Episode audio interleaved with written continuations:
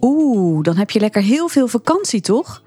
Dat hoor je nog wel eens op een feestje, als je vertelt dat je leraar bent. Maar ondanks die berg aan vakantiedagen verlaat ruim 20% het onderwijs in de eerste vijf jaar. En dat is een groot probleem. Wat kunnen we daaraan doen? Kunnen we daar iets aan doen? En hoe ervaart ons dappere duo hier aan tafel de werkbelasting? Daarover gaat aflevering 8 van Mijn Eerste Jaar voor de Klas.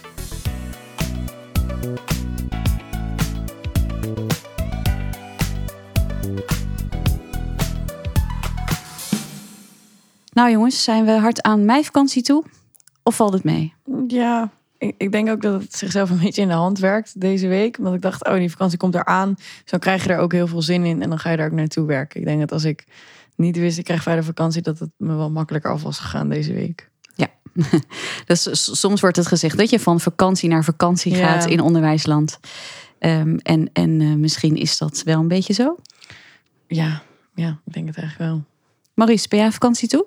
Eh, ja, maar ik denk dat dat gewoon eh, in zijn algemeenheid geldt voor iedereen eh, op de scholen. Zeg de leerlingen, de collega's. Iedereen, wat je zegt, leeft of leeft. Heeft wel het gevoel dat je van vakantie naar vakantie toe werkt.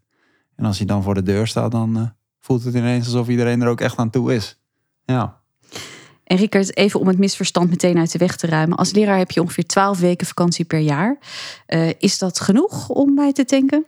Eh, in eerste instantie zou je, als je naar de cijfers kijkt, de uitval onder docenten, nou, dan zou je zeggen dat het blijkbaar niet voldoende is. Mhm. Als vakantie daar de oplossing überhaupt voor is. Dat is ook Mhm. nog maar de vraag. Het, eh, dat weet ik niet. Maar het is wel een, een, dat weten we wel ondertussen, een zwaar vak. Zeker. Dus en de werkdruk is hoog. Dus ja, vakantie kan daar een bijdrage om daarbij te helpen.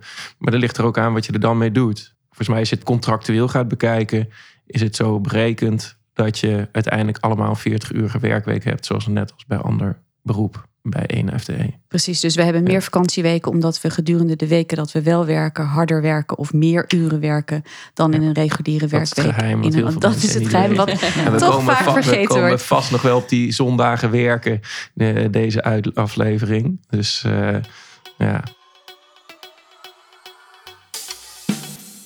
We gaan eerst weer even terugblikken, zoals we dat iedere aflevering doen. We kregen een heel boeiend audiofragment, Elisabeth, uit jouw klas. En het gaat over plagiaat en eh, ja, die chat GPT. Hè? Ja. En ga ik eerst aan Maries vra- vragen. Stel, stel, jij komt erachter in jouw klas dat voor een schrijfopdracht er eh, gebruik is gemaakt van die chat GPT. Wat zou je dan doen? Ja, ik zou denk ik aan de leerlingen vragen om de moeilijke woorden eens, eh, uit te leggen. En dat lijkt me gewoon al een hele leuke opdracht op zich. Ehm, ja, en dan natuurlijk eh, confronteren of eigenlijk de vraag stellen van... joh, heb je het gebruikt? Ja of nee?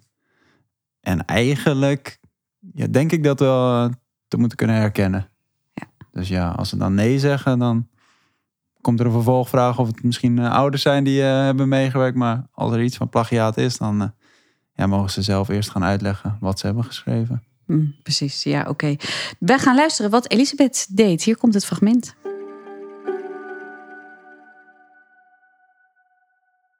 And I don't even think that I was just angry. I think I was so disappointed that I could cry. I never expected this. Never thought you would do something like this. I had a feeling that a lot of you use ChatGPT or copied the internet from from the information from internet. Some people even let kept the links in their assignments, so I could click on the link and I got forwarded to Wikipedia, which was great because I learned a lot about Hitler and all that. But obviously, this is a assignment where you got a grade for, which means that you have to do it by yourself. Plagiarism is a really bad thing because you're trying to say that words that you didn't write are yours. I would hate it. I would hate it if I would write a paper and somebody else would say, No, I wrote those words. And I know ChatGPT is a big thing, and I know a lot of you use it. I even use it myself. But those are not your own words. You have to write it by yourself. Um, and because with ChatGPT I can prove it, but I have a very strong feeling, I decided to take words out of everybody's assignment. Everybody will get a personal test. Um, I took six words out of everybody's assignment. If you're able to tell me what that word means in English, I will give you the grade that I maybe thought would be sufficient. If you're not able to do that, you, you have two choices. You either redo the entire assignment by hand on a piece of paper that I printed for you, no phone, no laptop whatsoever, or you get a one. Up to you. Because then you've proven me that you don't know the words that you wrote down. Zo. Zo streng. Zo. Elisabeth, graag je reactie. En misschien ook nog even wat uitleggen waarom dit in het Engels gaat. Ja, wij eh, hebben ook een, een TTO-stroming bij ons op school. Dus eh, tweetalig. En dat eh, kan bij VWO en bij HAVO allebei. Dus dit is een eh, tweetalig 3 HAVO. Wel, ja, ik vind het wel leuk. ehm, Mooi Engels ook. doen. Thanks. Ja, je spreekt mooi Engels. Ja. Jij zegt dus hier tegen die leerlingen: Nou, bewijs maar dat je de woorden kent en snapt en kunt gebruiken die je ook in je eh, assignment hebt ingeleverd, Ja. in je opdracht. Ehm, en, en, eh, en, en hoe ging dat? Ja, ze waren wel geschrokken. Eh er hadden blijkbaar ook wat mij tegen mensen gezegd dat ik had geschreeuwd. Nou, je kan door het fragment horen dat ik heel duidelijk niet geschreeuwd heb. Mhm. Ja, ik vond dat ook wel heel belangrijk. Eh, maar ik wilde wel echt laten merken dat ik echt heel teleurgesteld was. Ik was aan het nakijken en ik dacht echt, nee, wat overkomt me hier nou? Het is wel duidelijk dat je not amused bent Ja. hè, in dit fragment. Ja, en misschien is het ook wel heel naïef geweest van mij. Hè, dat ik dacht, oh, dat gaan ze niet gebruiken of ze doen het wel zelf. Ik, ik weet niet zo goed. Ehm, maar ik had verwacht dat er wel een aantal zou zeggen... ja, ik, eh, heb, iets, eh, ik heb ChatGPT gebruikt of ik heb iets gekopieerd van het internet. Dus ik wil hem wel opnieuw doen. Dat mocht dan ook gewoon tijdens de les van hier heb je dat blad, vul maar in en dan krijg je daar het cijfer voor. Ehm, maar iedereen dacht, nou, ga het gewoon proberen. Ga gewoon proberen die, eh, die woorden uit te leggen. En ik heb me toch een als acteerwerk gezien. Ik was eh, wel onder de indruk. Eentje had het woord deviance erin gezet. En die zei, oh ja, mevrouw Defiance. Ja, dat gebruikt u toch iedere week? Defiance? Nee. Nee. Geen idee. En wat voor cijfer hebben uiteindelijk dit soort leerlingen gekregen die dus woorden hebben gebruikt die ze, hè, waardoor eigenlijk duidelijk was dat ze dus het niet zelf geschreven hebben? Nee. Een één. Ja. Ja, het was een, wel een klein onderdeel van, van hun cijfer. Maar vooral omdat ik ze dus de kans heb gegeven om zichzelf te herstellen, het toe te geven ehm, en het opnieuw te doen, dacht ik: oké, maar dan moet ik nu al voet bij stuk houden. Nou moet ik niet gaan terugkrabbelen. Ehm, en ik heb nog wel besproken met een mentor het laten zien: kijk, dit is gewoon heel duidelijk gekopieerd. Eh, want dat was ook, ze hebben ook gewoon tekst gekopieerd van internet. En die is lettertype aangepast. Ja, op een gegeven moment voel ik me ook gewoon een beetje in de zijk genomen of zo. Dan denk ik: ja, kom op.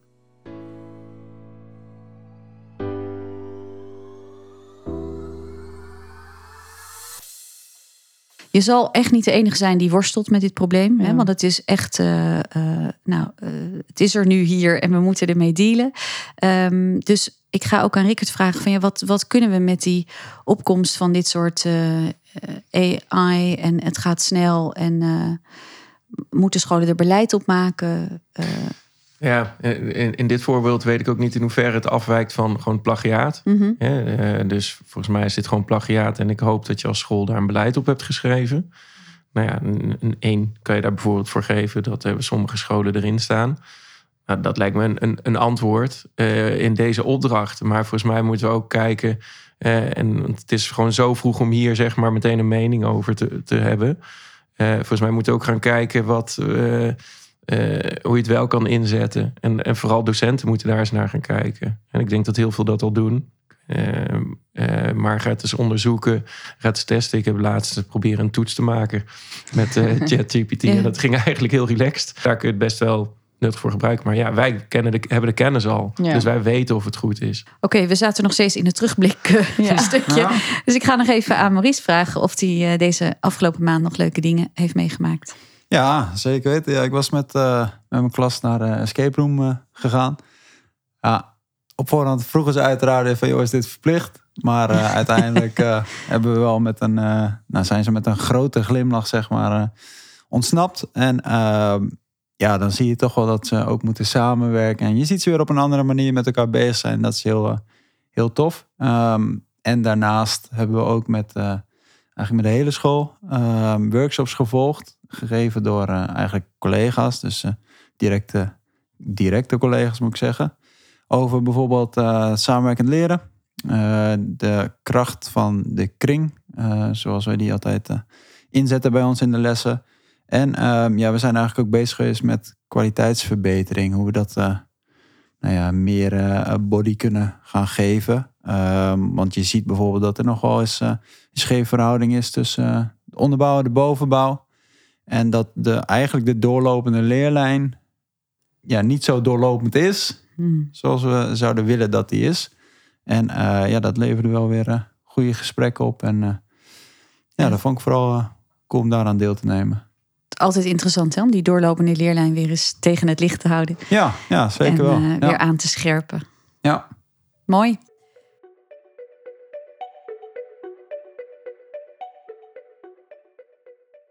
Dan gaan we verder met het maandthema. En dat is dus werkdruk deze maand. En eerst maar eens een hele open vraag. Hoe ervaren jullie de werkdruk op dit moment of dit jaar, dit eerste jaar? Ja, behoorlijk. eh, hij is aanwezig. Ehm, ja, en dat heeft bij mij wel echt te maken met eh, het stukje mentoraat wat ik natuurlijk eh, heb gekregen. Begrijp ik. En ehm, ja, kijk, ik vind het heel leuk en belangrijk dat ik eh, een soort van 24-7 bereikbaar ben voor mijn eh, eh, lieve mentorleerlingen. Ehm, maar ja, dat zorgt ook wel weer voor de nodige druk. Ehm, ja, en de spontaniteit van het stellen van vragen en het ja, eigenlijk verwachten van directe antwoorden. Ja, dat zorgt vooral voor druk. Ehm, maar nogmaals, ja, je, krij- je krijgt er ook wel weer veel voor terug. Maar ik merk dat dat ja, toch wel die werkdruk op, oplevert. Ja, want je hebt in eerdere afleveringen wel gedeeld hè, dat je inderdaad eh, eigenlijk, eigenlijk 24 uur eh, per dag aanstaat om ehm mentorleerlingen uit de brand te helpen. Ja, Ehm, dat is hoe je dit jaar gestart bent en hoe je het doet. Denk je dat je dat volgend jaar wat meer gaat inbinden? Of zeg je dit past gewoon bij mij? ja, dit is denk ik wel mijn stijl. Mhm. Ehm, maar ik verwacht wel gewoon dat die werkdruk lager gaat worden. Omdat je, ja, je, je kan steeds beter inschatten wat ze vragen. Of wat ze eigenlijk willen weten. Ehm, dus ik verwacht dat ik daar volgend jaar weer ja, beter, sneller eh, een volledig antwoord op kan geven. Ja, maar denk je niet dat als jij uitstraalt en ook laat weten van je mag op ieder moment een vraag stellen, dat die vragen dan ook op ieder moment blijven komen?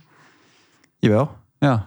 Ja. Dat, eh, dat denk ik wel. Maar kijk, je kan ook aan de voorkant eh, misschien dan iets beter, ja, betere uitleg geven over eh, eh, nou ja, activiteiten die ze te wachten staan. Dat ze daar minder vragen over gaan stellen. Ehm, en ehm, ja, misschien zal ik niet direct meer gaan reageren. Mhm. Omdat je nu ook gewoon beter kan inschatten. Van, ja, is het echt eh, bloedspoed, zeg maar, wat er eh, Mhm. achter die vraag schuilt? Of eh, kan ik hem wel verparkeren tot eh, een later moment? En ik denk dat ik dat wel weer kan communiceren dan met eh, de leerlingen. Hebben leerlingen jouw mobiele telefoonnummer? Zeker. Ja, en je hebt een, een WhatsApp groep met je klas, Ook. met Ja. je mentorklas. Ja. En eh, meestal zijn de leerlingen, eh, we zoeken contact met jou via de WhatsApp. Eh, ja, via WhatsApp inderdaad. Of eigenlijk als ik les aan het geven ben, dan willen ze ook nog wel eens op, en niet aan hun, dan willen ze ook nog wel eens bij mij op de deur kloppen met een directe vraag. dus ja, weet je, kom maar binnen. Maar Ja. ja, dan mogen ze wel verwachten dat ze niet direct het antwoord krijgen. Ja. Ja. Hoe gaat Oké. het in zo'n vakantie die er dan nu aankomt? Ja, die vakantie nu is wel eh, ja, toch wel extra spannend. Omdat natuurlijk de examens, Examens, meteen eh, starten na de vakantie. Als in eh, de woensdag na de vakantie. Ehm, ja, en dat heb ik eigenlijk ook weer zo tegen ze gezegd. Toevallig vandaag laatste mentoruur eh, gehad. En aangegeven van jongens, eh, deze vakantie, eh, ik ben niet weg. Ehm, dus als er wat is, ja, het maakt echt niet uit. Bel of app me. Want eh, ja, het is nu wel de meest belangrijke fase zeg maar, in jullie carrière bij ons op, eh, Ja. op de OSB. Dus ja, dan eh, wil ik wel een extra, nog een extra stapje gaan Nou, zetten voor wel ze. een super mentor. Ja.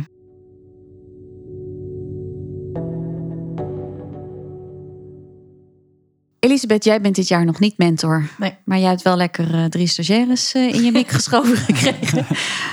Hoe gaat het met jouw werkdruk? Ja, dat, dat ging aan het begin van het jaar. Ik denk dat ik eigenlijk pas net een maandje een beetje onder controle heb. Maar dat ging, dat ging niet super. Als in, ik was echt eh, veel aan het werk. Eh, soms echt wel zeven dagen per week. Dan ehm, was ik op zaterdag, dacht ik, oké, als ik dan vandaag al al mijn lessen voor maandag maak, dan hoef ik morgen niet te werken. En dan eh, kreeg ik het niet af. Dus dan was ik zondag ook nog aan het werken. Eh, en dinsdag is mijn vrije dag. En dan ben ik gewoon lessen voor woensdag aan het voorbereiden. Dus op een gegeven moment ging ik gewoon over naar zeven dagen per week. En dat is natuurlijk wel een gevaarlijke. En wat ik ook wel merkte is dat ik op een gegeven moment... ehm, en daar heb ik het ook al met collega's over gehad... dat dat eigenlijk het grootste probleem was. Dat als ik dan een avond vrij was, bijvoorbeeld. Eh, op een maandagavond had ik dan les gegeven, vijf, zes uur lang. Ehm, en dan had ik mijn lessen voor woensdag nog niet af. En dan dacht ik, nou, als ik nou vanavond, als ik nu naar huis ga en ik ga vanavond nog even werken, dan hoef ik morgen op mijn vrije dag niks te doen. En dan kwam ik op de bank terecht en dan kwam ik daar niet vandaan. En dan lukte het me niet om een les voor te bereiden. Maar dan voelde ik me wel de hele, dan baalde ik de hele avond Ja. dat ik niet bezig was. Dan voelde Ja. ik me de hele avond schuldig. Ehm, en toen, daarover zijn collega wel van, oh, dat vind ik wel echt een gevaarlijke. Dat je daar niet, eh, niet kan ontspannen. Want als je niet kan ontspannen, dan zit er gewoon geen rust in je kop.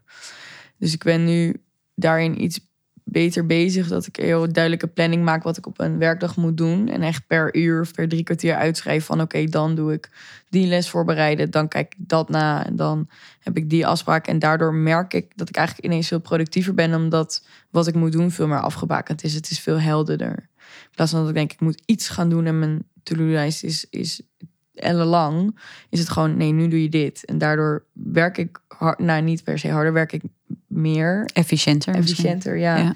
En ben ik dus meer vrij. Dus ik heb nu al drie weken achter elkaar dat ik in het weekend niks heb hoeven doen. En dat is echt heerlijk. Dat klinkt heel goed. Ja. Ja, weekendvrij, zo een beetje zoals het hoort. Ja, precies. Eh, maar je dag per uur helemaal vol plannen klinkt dan wel weer heftig, vind ik. ja, er zit ook echt geen, geen ruimte in. Op een gegeven moment had ik dat gedaan voor het eerst. En toen vroeg iemand ineens, ja, kun je zo... eh, Even, kan ik je zo even spreken? En toen dacht ik, echt, ja, eigenlijk niet. Dat past niet in mijn planning. Ja. En lunch wordt ook niet ingecalculeerd. Nee, dus dat, ook dat is toch weer een beetje Ja. een red flag, hè? Ja. Rickert? Nou ja, ik vind, ik vind het wel eh, heel, heel positief om te horen. Want hè, ik denk dat we in het onderwijs heel vaak met de waan van de dag meegaan. En dat dan dus die efficiëntie eruit gaat. En als je dus dingen blokt en je dwingt jezelf dan ook echt dat ding te doen, dan krijg je het af. En ik denk, als we dan eens gaan kijken hoeveel uur we werken, dan werken we misschien helemaal niet zoveel meer dan we eh, in ons contract hebben staan, dan die 40 uur. Vast in het begin wel, hè. Eh, maar vaak wordt het gedaan alsof we echt zoveel werken. Maar dat zit hem ook in inefficiënt of je elk moment te laten af te leiden voor wat er gebeurt. Er komt weer een leerling binnen en die wil wat van je. En je kan ook zeggen, nee, ik ben nu niet beschikbaar. Volgens mij is dat heel gezond om te doen. Ja, ik geloof wel in meerdere sporen. Als in als je een tussenuur hebt en je gaat eh, dat heel efficiënt benutten door na te kijken of iets voor te bereiden, is dat heel fijn. En dan werk je heel efficiënt. Maar ik geloof ook heel erg in de docenten, in de, de docentenkamer zijn, de personeelsruimte. En daar een goed gesprek met iemand voeren. Desnoods een gesprek over onderwijs, maar misschien ook wel gewoon over je vakantie naar de Malediven of weet ik veel. Oh, zeker. Nee, nee, want dat is weer werkdruk verlagen, denk ik. Als je gewoon ook ontspannende, leuke, inspirerende contact hebt met collega's. Ja, dat zijn informele momenten bedoel je dan meer. Ja. Ja. tuurlijk. Nee, maar dat heb je altijd nodig. Ja.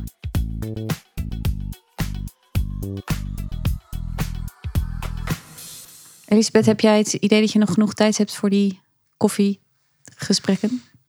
Ehm, ik denk dat ik er tijd voor zou kunnen maken, maar dat dan mijn werk zich vooruit schuift. Dus dat het niet per se één en één aan elkaar gelijk staat, zeg maar. Ik kan heel leuk met collega Engels praten over klassen, maar uiteindelijk moet ik de les zelf gaan maken. En de tijd die ik met haar klets over die twee leerlingen bijvoorbeeld, die had ik ook kunnen gebruiken om een les voor te bereiden en dan haar dan bij de naborrel of zo te spreken. En dan vind ik zo'n naborrel super belangrijk. En dat we met elkaar inderdaad dat informele ook hebben. Ik vond dat in de horeca ook altijd heel belangrijk, een naborrel. Omdat je gewoon samen even die ontspanning pakt. Heel even ook samen bent, maar op een andere manier. Uh, maar tijdens zo'n werkdag, ik, ja, ik kan maar gewoon beter echt nuttig zijn. Want anders zit, ik, het zit het alleen maar in mijn hoofd. Helder.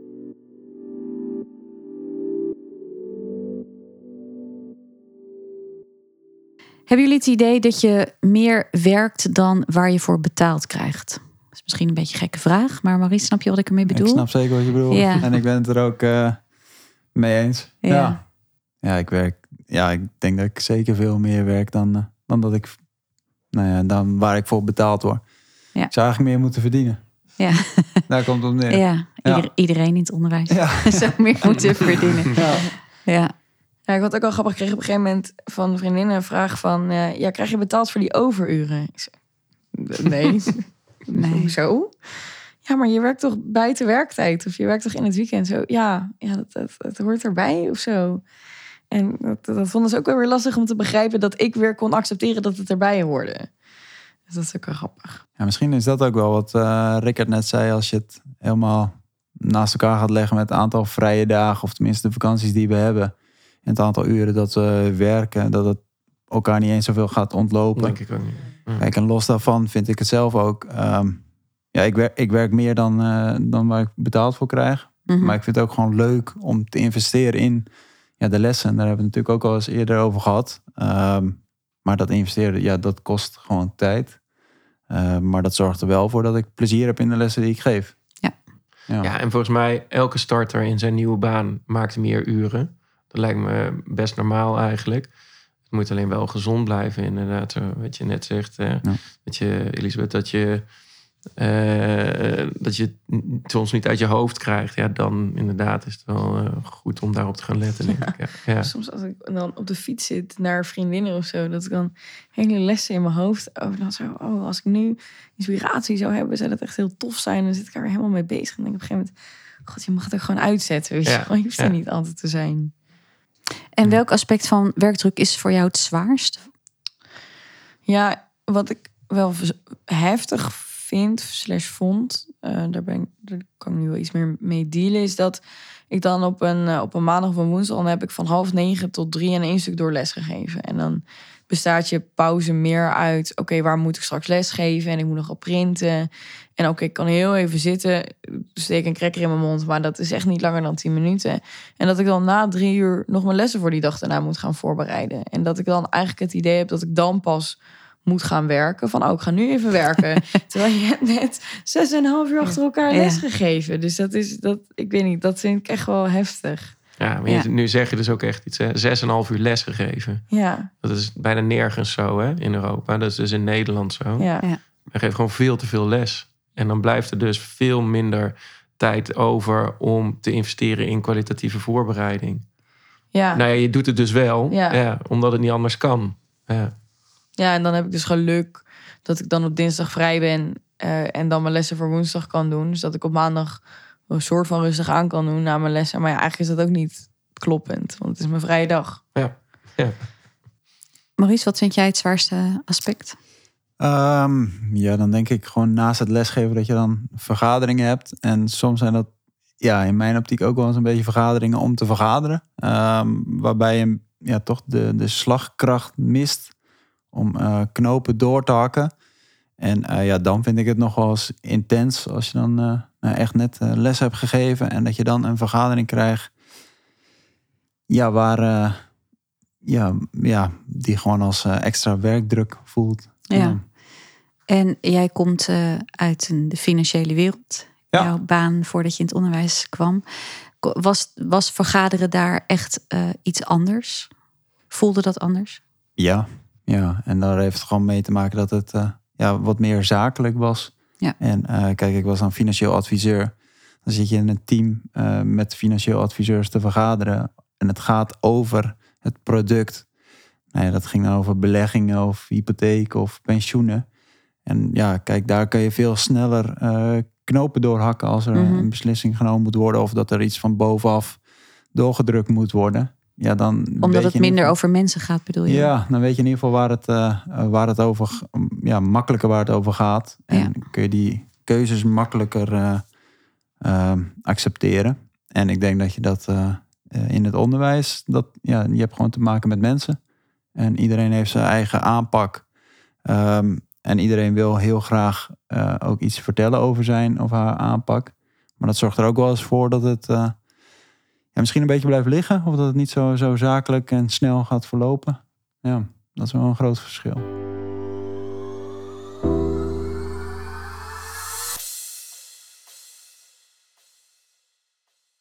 Rickert, heb je het idee dat zij in stromers vaker eh, versteld staan van de manier van vergaderen in onderwijsland? ja, je hoort het geluid wel vaak, ja. Ja. Ja. Ehm, ik denk wel dat er best wel stappen worden gemaakt hoor. Eh, ehm, ja, dan kom je toch snel weer bij agile werken en dergelijke. Eh, Ha- handelingsgericht. ja, of scrum methodes gebruiken. En ja, ehm, als dat werkt voor, eh, voor het onderwijs, lijkt me dat wel goed. Ja, ja.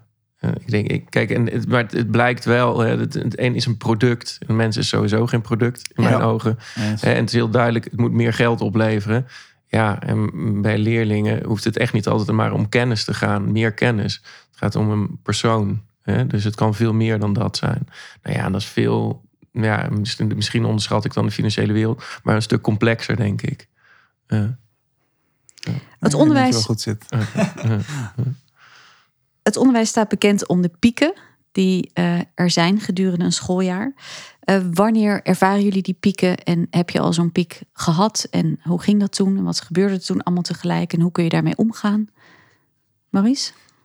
Ja, ik denk dat ik nu midden op die piek zit. Ehm, en dat heeft echt te maken met die, eh, met die examens. En dan moeten alle systemen of alle cijfers moeten kloppend zijn, ingevuld zijn. Ehm, ja, en dan eh, is het, ja, het klinkt heel gek, maar toch een soort race tegen de klok. Om dat allemaal eh, op tijd ingevoerd te krijgen. Ehm, ja, en dan ook al ben je als mentor, ja, je geeft niet zelf al die toetsen. Maar je moet er wel voor zorgen dat alle leerlingen die toetsen gewoon maken. En dat je collega's de cijfers op tijd invoeren. Eh, omdat je, ja, één ding wat je niet wil is natuurlijk dat de leerlingen de dupe worden van eh, eh, nou, bijvoorbeeld achterstallige werkzaamheden of Ja, een administratieve fout. administratieve fouten, Ja. inderdaad. Ehm, ja, dus dan, eh, dan ben je wel even aan het jagen wat dat betreft. Ja. Ja. ja. Elisabeth, hoe zit het met jouw piekbelasting? Ja, net voor toetsweken, dat we dan eh, toetsen moeten inleveren, maar ook nog steeds lessen aan het geven zijn. Want je levert je toets eigenlijk altijd voor de toetsweek in. Dan ervaar ik echt wel eh, druk. Ik heb acht verschillende klassen. Dan ben ik soms wel zeven verschillende toetsen aan het maken. Ja, als je dan ook nog lessen erbij aan het maken bent, dan eh, ervaar je wel druk. Ehm, en nakijken is natuurlijk ook veel werk. Dus dat ook zeker bij geschiedenis je er ook wel flink lang mee bezig. En ben je ook nog steeds lessen aan het maken. Want soms heb je het gewoon nog niet af. Dus dan moet je een andere les gaan geven. Het liefst wil je zo min mogelijk verrassingen, zou ik maar zeggen, zodat je zeg maar je kunt focussen op die lessen en dat er dan in de lessen van alles verrassends kan gebeuren waar je leerlingen van groeien, waar je zelf van groeit en bloeit. Maar je wil juist dat hè, daaromheen wil je dat alles vast is en dat is natuurlijk soms niet zo. Dus als je in de pauze toch ineens naar een ander lokaal moet. Of je hebt ineens woordenboeken nodig en die blijken niet in je kassen liggen, want die zijn geleend door een collega en overgeten niet teruggelegd. Of eh, er is ineens toch nog een extra punt op de vergadering waar iedereen voor moet gaan zitten. Of oh, er wordt toch nog een eh, ouderavond ingelast waarvan wel wordt geapprecieerd als je ook aanwezig bent. En ik merk altijd als er te veel van dat soort losse componenten rondzweven, dat je dan heel erg voelt dat die werkdruk toeneemt. Ja, wat- ik, ik ben het helemaal met je eens. En ik denk dat het op een gegeven moment ook eh, zo kan voelen dat je aan het werk bent. Dus je bent bijvoorbeeld op, op je kantoor in ons sectiehoek bijvoorbeeld, zijn we dan aan het werk. Ik denk, oh, ik moet lesgeven. Daar heb ik eigenlijk geen tijd voor. En dat is- Ja, hele mooie. Ja. Maar als leraar, dat je dan ineens denkt, ja, dat, dat hoofdding zit me eigenlijk meer in de weg dan dat het, Ja, ja. Dat, dat herken ik wel af en toe. Ja, ja mooi.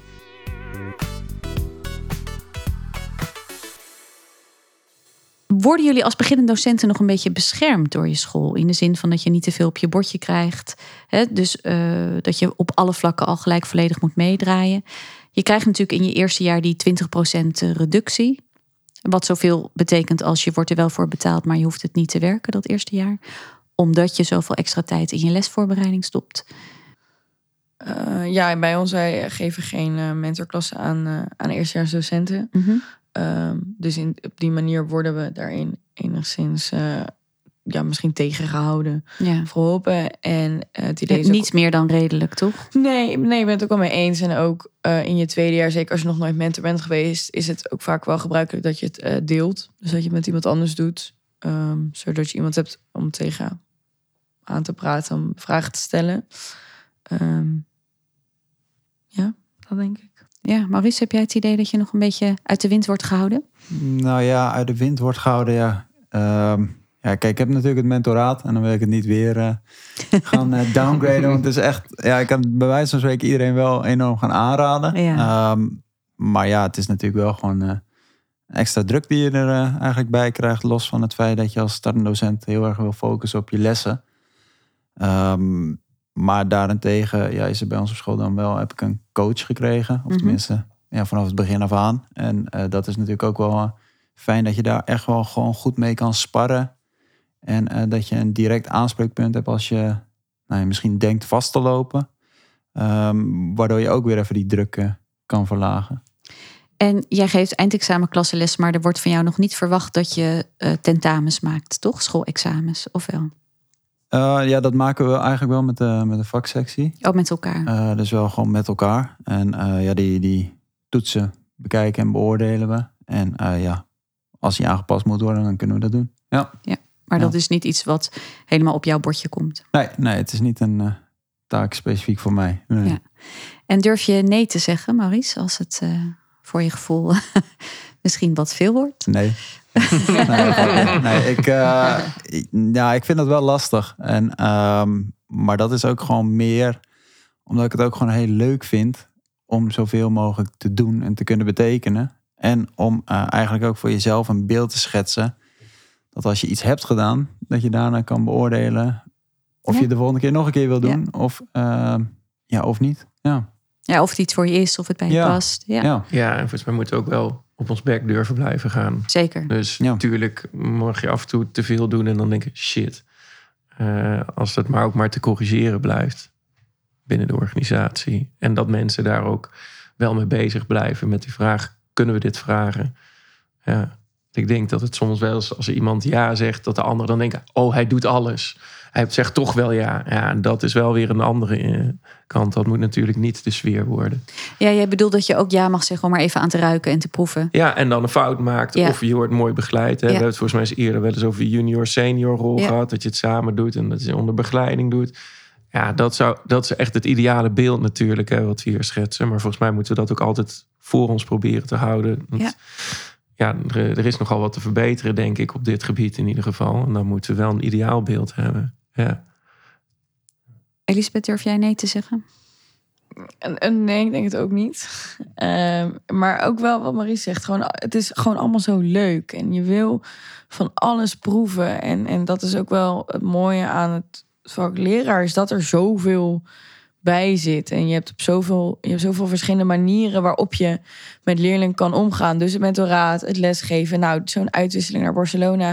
Ik vind dat gewoon echt heel leuk om te doen. En dan ja, voelt het, het is misschien een beetje FOMO of zo. Een beetje fear of missing out. Van, oh, ik hoor jullie allemaal vette dingen doen. Dat wil ik ook. Maar ja, ja dan is nee zeggen daarin wel, eh, wel lastig. En ik heb niet per se het idee dat dat is omdat ik bang ben... dat mensen dan denken ze willen het niet. Maar meer, ik wil niks missen. Ja. Nou, volgens mij heb ik al een keer eerder gezegd dat het eh, wel iets beter wordt als je langer in het onderwijs werkt, maar dat het echt een uitdaging blijft om nee te zeggen. En dat ik dat ook nog steeds eh, echt wel lastig vind. En dat ik ook dit jaar heb ervaren wat jullie nu beschrijven, dat ik tegen heel veel dingen heb gezegd waarvan ik dacht: oh ja, leuk, heb ik zin in. Oh ja, lijkt me een uitdaging. Oh, lijkt me hartstikke interessant. En voor ik het wist, zat ik echt eh, tot, tot van boven tot onder volgestapeld met in principe allemaal leuke dingen, maar wel een beetje veel. En ehm, als je het niet oplet, is het echt snel te veel. We pauzeren hier even en gaan straks weer verder over werkdruk. Nu gaan we luisteren naar een ingekomen vraag. En die is dit keer van een zij-instromer. Dus Maurice, even extra goed opletten Oké. hier.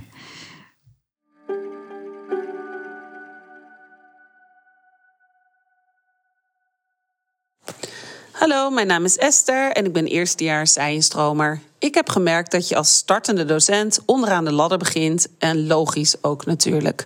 Tegelijk heb ik in mijn loopbaan tot nu toe wel degelijk veel kennis opgedaan en vaardigheden ontwikkeld. Hoe kun je die meerwaarde op een goede manier benutten en dat dat ook gezien en gewaardeerd wordt door collega's? Ik ben erin nog zoekende. Bedankt alvast. Ja, goede vraag, Esther. Maurice, ik begin eh, deze keer bij jou voor advies.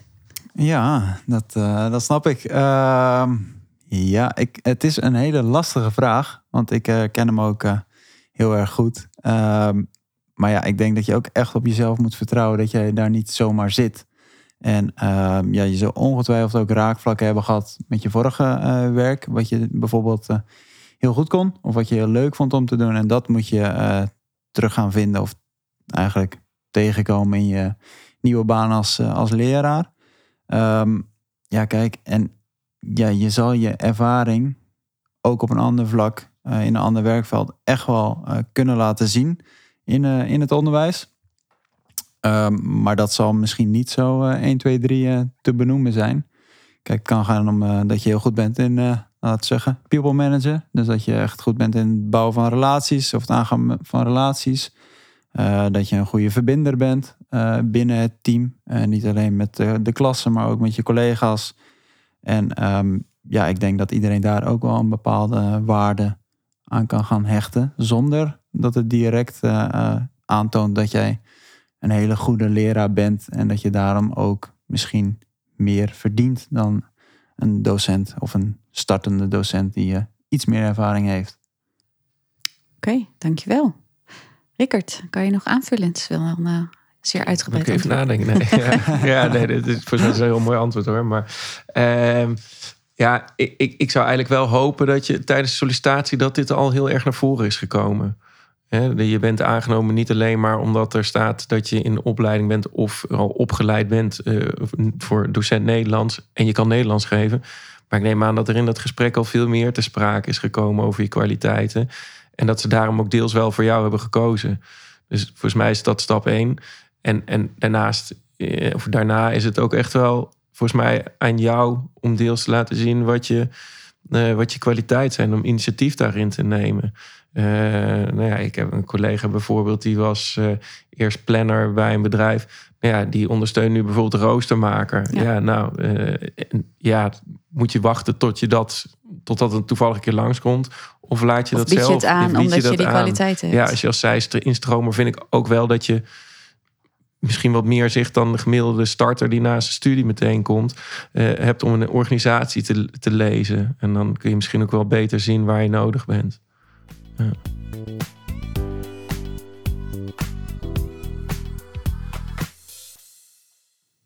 Oké, Esther, dankjewel.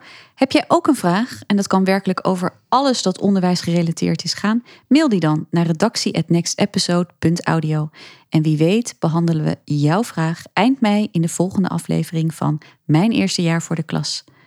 We gaan terug naar ons maandthema en dat gaat dus over werkdruk. Ervaren jullie ook werkdruk met betrekking op het programma en de lesstof? Van krijg ik alles af op tijd? Heb ik het voordat die toetsweek weer begint? Heb ik dan alles afgerond en begrijpen ze het? Ah, ja, nu eigenlijk. Ik heb het nog niet eerder echt gehad dit jaar. Eh, heel vaak dacht ik, ja, ja, het is niet per se de schuld van de leerlingen als er lessen zijn uitgevallen. Dus ik ga er dan niet harder aan trekken of zo. Want dat, heel vaak merk ik ook dat leerlingen daar helemaal niet goed op gaan. Want die voelen dat niet zo. Dus dan dacht ik, nou maak ik een kleinere toets. En nu denk ik wel, oh jeetje, er vallen zoveel lessen uit. Feestdagen, ehm, die nu twee weken vakantie. Maar na de vakantie één dag les. En dan komen de hele week komen de mensen uit Barcelona komen naar hier. Dus dan vallen ook bijna al mijn lessen uit. En dan denken we, oké. Het weer Pinksteren? Ja, Pinksteren. En dan heb ik een klas die ik één keer per week zie. Ja, die hebben dan nog vier lessen. Dan denk ik, oh, oh, wat ga- wat ga ik doen? Heftig. Ja. Dus ja, dan, dan haal ik maar een, een opdracht of zo eruit. Ik denk dat dat de, de enige manier is. Dus dat is zeker werkdrukverhogend. En als jij dan iets eruit haalt, dan voel je dat, het, dat die druk weer wat afneemt. Ja, werkdruk verhogend als in het zit gewoon in mijn hoofd en ik ben ermee bezig. En zo'n opdracht eruit halen zorgt dat ik weer wat ademruimte heb, waardoor ik me minder druk maak, denk ik. Dus ja, ja. Maurice, hoe is dat voor jou? Ehm, ja, wel herkenbaar. Ehm, maar het ligt ook echt wel een beetje aan eh, de jaarplanning. Eh, er komt nu bijvoorbeeld een fase, natuurlijk met veel vrije dagen, maar ook een langere tijd tussen eh, de toetsweken in, zeg maar. En ehm, ja, eigenlijk de vorige periode vooral. Nou, dat heb ik ook in de vorige aflevering gezegd. Heb ik heel erg lopen pushen op prestaties. En dat kwam een beetje vanuit eh, het gevoel dat ik kreeg dat ik te weinig tijd had om ze echt eh, de kennis bij te brengen die, die ze wel moeten kunnen aantonen tijdens de toetsen of op de toetsen. Ehm, ja, en daarna kwam natuurlijk dat moment van reflectie dat ik even werd gewezen. Daarop werd gewezen door een leerling van, van joh, dit is echt de saai- het saaiste blok wat we ooit hebben gehad. Ik dacht, oh ja, dit is inderdaad ook niet de bedoeling van mijn manier van lesgeven. Ehm, ja, dus voor nu kan ik er eh, wel goed weer mee omgaan.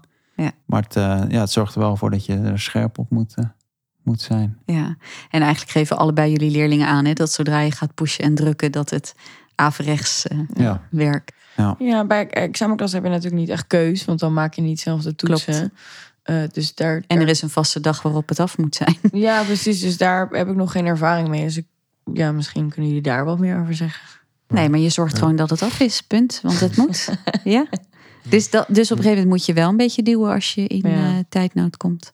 Ja, het mooie is dat je dat natuurlijk ook als escape de hele tijd kan gebruiken. Ja? Van jongens, jullie examen komt eraan. Weet je, dat is gewoon echt een officieel moment. Dus ja, je moet. Jongens, weer even wat anders. In het onderwijs sta je altijd aan. Je kan niet er zomaar niet zijn. Er staan 30 kinderen voor je deur om half negen. Je kunt niet zeggen, nou, ik maak een andere afspraak met jullie. Eh, dat dwingende, dat kan soms best beklemmend zijn. Hoe ervaren jullie dat? En durf je bijvoorbeeld ziek te zijn? Eh, nee, ik durf niet ziek te zijn. nee, ik, ja, ik krijg heel veel energie van lesgeven. Ik merk dat ik echt nog adrenaline van krijg, eh, van voel. Ehm, en dat ik, ik- deze week voelde ik me niet zo lekker. En dan dacht ik, oh, ga ik me dan ziek melden? En dan voor de les was ik misselijk of zo. En dan stond ik voor de klas en dan was ik de hele misselijkheid vergeten. Dan dacht ik, oh ja, Ja. Dat, ik vergeet het gewoon. Omdat ik voor zo'n groep sta. Ehm, maar ja, je merkt wel dat aan het eind van zo'n dag ben je toch wel moer. En dan denk je op een gegeven moment ook met dat gezeur, weet je wel. Ben je toch wat, wat geïrriteerder, denk ik. Maar dan denk je ook van, denk ik in ieder geval van, ik ga daar nu echt wel minder hard aan trekken. Die strijd heb ik eh, niet nog een keer zin in. Maurice, hoe zit dat bij jou? Ehm, ja, kijk, je moet wel echt eh, aanstaan. Maar ik denk dat dat ook wel eh, nou ja, hetgeen is wat ik heel erg leuk vind om te doen in de lessen. Ehm, maar tegelijkertijd geeft dat ook wel druk. Dus ja, wij geven dan eh, lessen van 60 minuten. En dan heb ik ook het gevoel dat ik 60 minuten lang wat moet doen. En eh, ja, je kan wel eens een, een, een off-day hebben.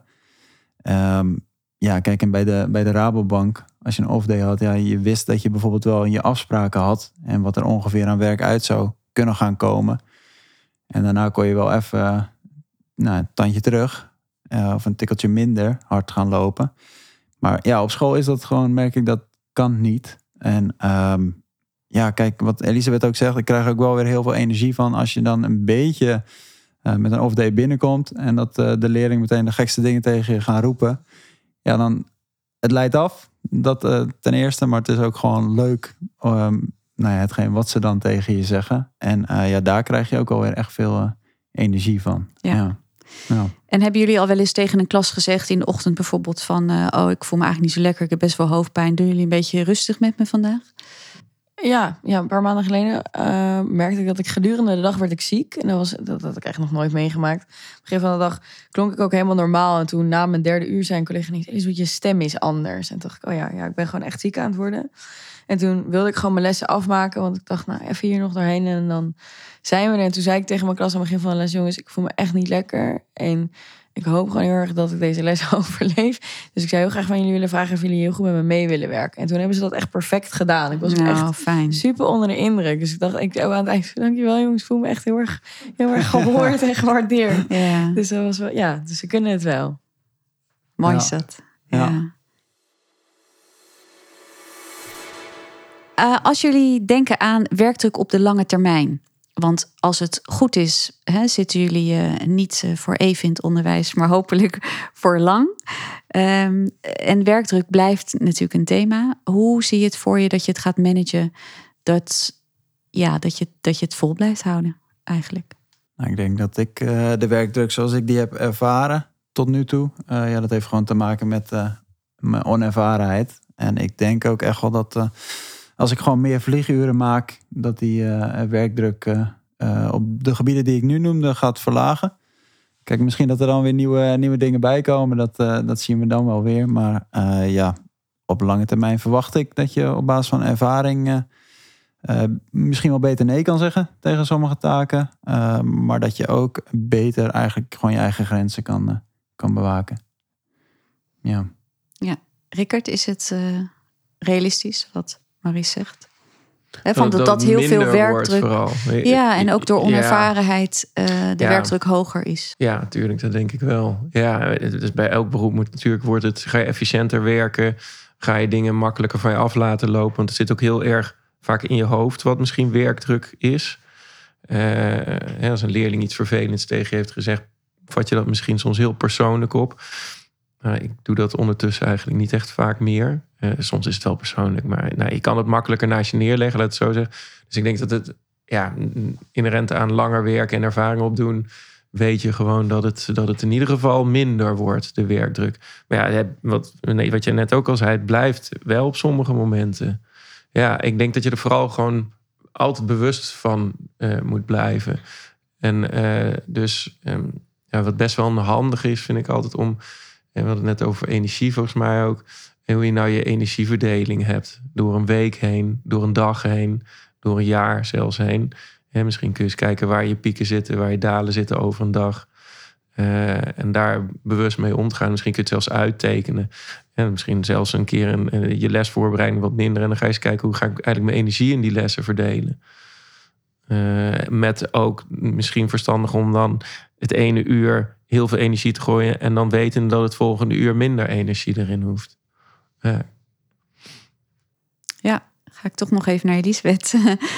Jouw lange termijn, hoe zie je dat voor je? Ja, ik ben wel. Uh, ik, denk, ik denk dat voor mij ook geldt, wat voor Maurice geldt, dat je, uh, je bent gewoon arsenaal aan het bouwen nu. Ik ben nu lessen aan het uh, opzetten. Ik ben pakket aan het maken en mijn lessen zijn dermate doordacht dat ik denk, oh, volgend jaar kan ik zo'n les bekijken. En als ik dan tijd en zin heb om hem te herzien, dan kan ik dat doen. Heb ik daar geen tijd en zin in, dan is de les prima zoals hij is. Uh, dus ik hoop dat ik volgend jaar gewoon wat klas heb die ik dit jaar ook heb gehad. Zodat ik ook wat her kan gebruiken en daar wat, uh, wat ruimte voor mezelf geef. Dus ik denk dat het echt inderdaad wat te maken heeft met dat je gewoon nog vet van het leren bent en begint. Ja. En dus uh, voor je eigen werkdrukverlaging zien jullie wel mogelijkheden, dingen die je kunt doen. Ja. Ook door gewoon de tijd te geven en dingen te herhalen. Um, dingen waar we geen invloed op hebben, hebben we daar wel nog een duidelijke mening over wat er zeg maar gedaan zou kunnen worden in het land om de werkdruk van docenten te verlagen? In het land. Ook, dat is wel Ik heb wel een mening. Ja. In. Nou ja, het zijn een aantal dingen, maar volgens mij zijn het wel. Ehm nou, ja, we hadden het net al over minder lesuren. Absoluut. Ja, Voor hetzelfde geld waar minder leidt dat allemaal toe? Hè? Dus dan, dan kun je dus en je lessen beter voorbereiden. Eh, je kan meer ruimte hebben om samen te werken met elkaar. Je kan elkaar meer eh, bezoeken om eh, elkaars lessen bezoeken om beter te worden. Eh, daarvan, nou, dat hebben we al een paar keer gezegd. Dat samenwerken, daar is nog zoveel winst in te maken, denk ik. Maar gewoon, het, ja, wat, we, willen, we willen meer mensen naar het onderwijs hebben. En volgens mij voelen we heel vaak dat we kwalitatief tekort schieten. En, deels gaan daardoor mensen, denk ik, ook weg. En als je nou je kwaliteit kan verbeteren omdat je meer ruimte hebt om, dat, om je lessen eh, voor te bereiden. Ja, dat, dat, dat, volgens mij is het een van de oplossingen. Daarnaast, maar die discussie hoor ik de laatste jaren eigenlijk veel minder. Ja, ik geloof nog steeds wel in kleinere klassen. Nou, eh, Eh, ja, en eh, er is ooit een, raar onderzoek geweest. wat ze heeft verteld dat dat niet geen invloed zou zijn. Nou ja, je kan het heel simpel berekenen. We hebben bijvoorbeeld 45 minuten uren. Ja, als je in plaats van twee minuten drie minuten per leerling hebt, om het zo maar even uit te rekenen, natuurlijk levert dat iets op. ja. Ja, dus het is een hele simpele rekensom volgens mij die we daarvoor kunnen inzetten. Eh, nou ja, dat zijn twee dingen, denk ik, echt al een heel groot verschil zou maken. En dan kiezen er ook meer mensen voor het onderwijs.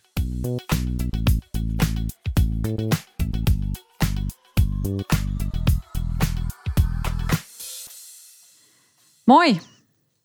We lopen tegen het einde van de aflevering. Maar we gaan natuurlijk eventjes vooruitkijken zoals we dat iedere aflevering doen. Wat staat er de komende maand op de agenda? Nou, in ieder geval, we hebben het erover gehad, die heerlijke meivakantie van twee weken. Ja. En wat staat er verder op het programma, Maurice? Jullie mogen één keer raden. Examens. Examens, examens. Ja, dat is eh, het belangrijkste. Ja, Ja, leuk hè? zeker. Spannend ook. Ja. Ja. Elisabeth? Ja, en bij mij komen de leerlingen uit Barcelona, die komen naar Ja. Nederland. Dus eh, dat wordt superleuk. Ik heb er echt Cool. heel veel zin in. Mooi. Bedankt voor deze aflevering. Eind mei zijn we weer terug met aflevering 9 alweer. En dan gaan we het hebben over Papa de Bam, pubers. Ja, je gelooft het niet, maar pubers, hey, jakkes. Nee. dus graag tot over een maand bij aflevering 9. Deze podcast is een productie van Next Episode in opdracht van de VO-raad. Audiodesign werd verzorgd door Studio Cloak. De eindredactie was in handen van Rope Doggers. En de presentatie doe ik, Tinka Terschegget.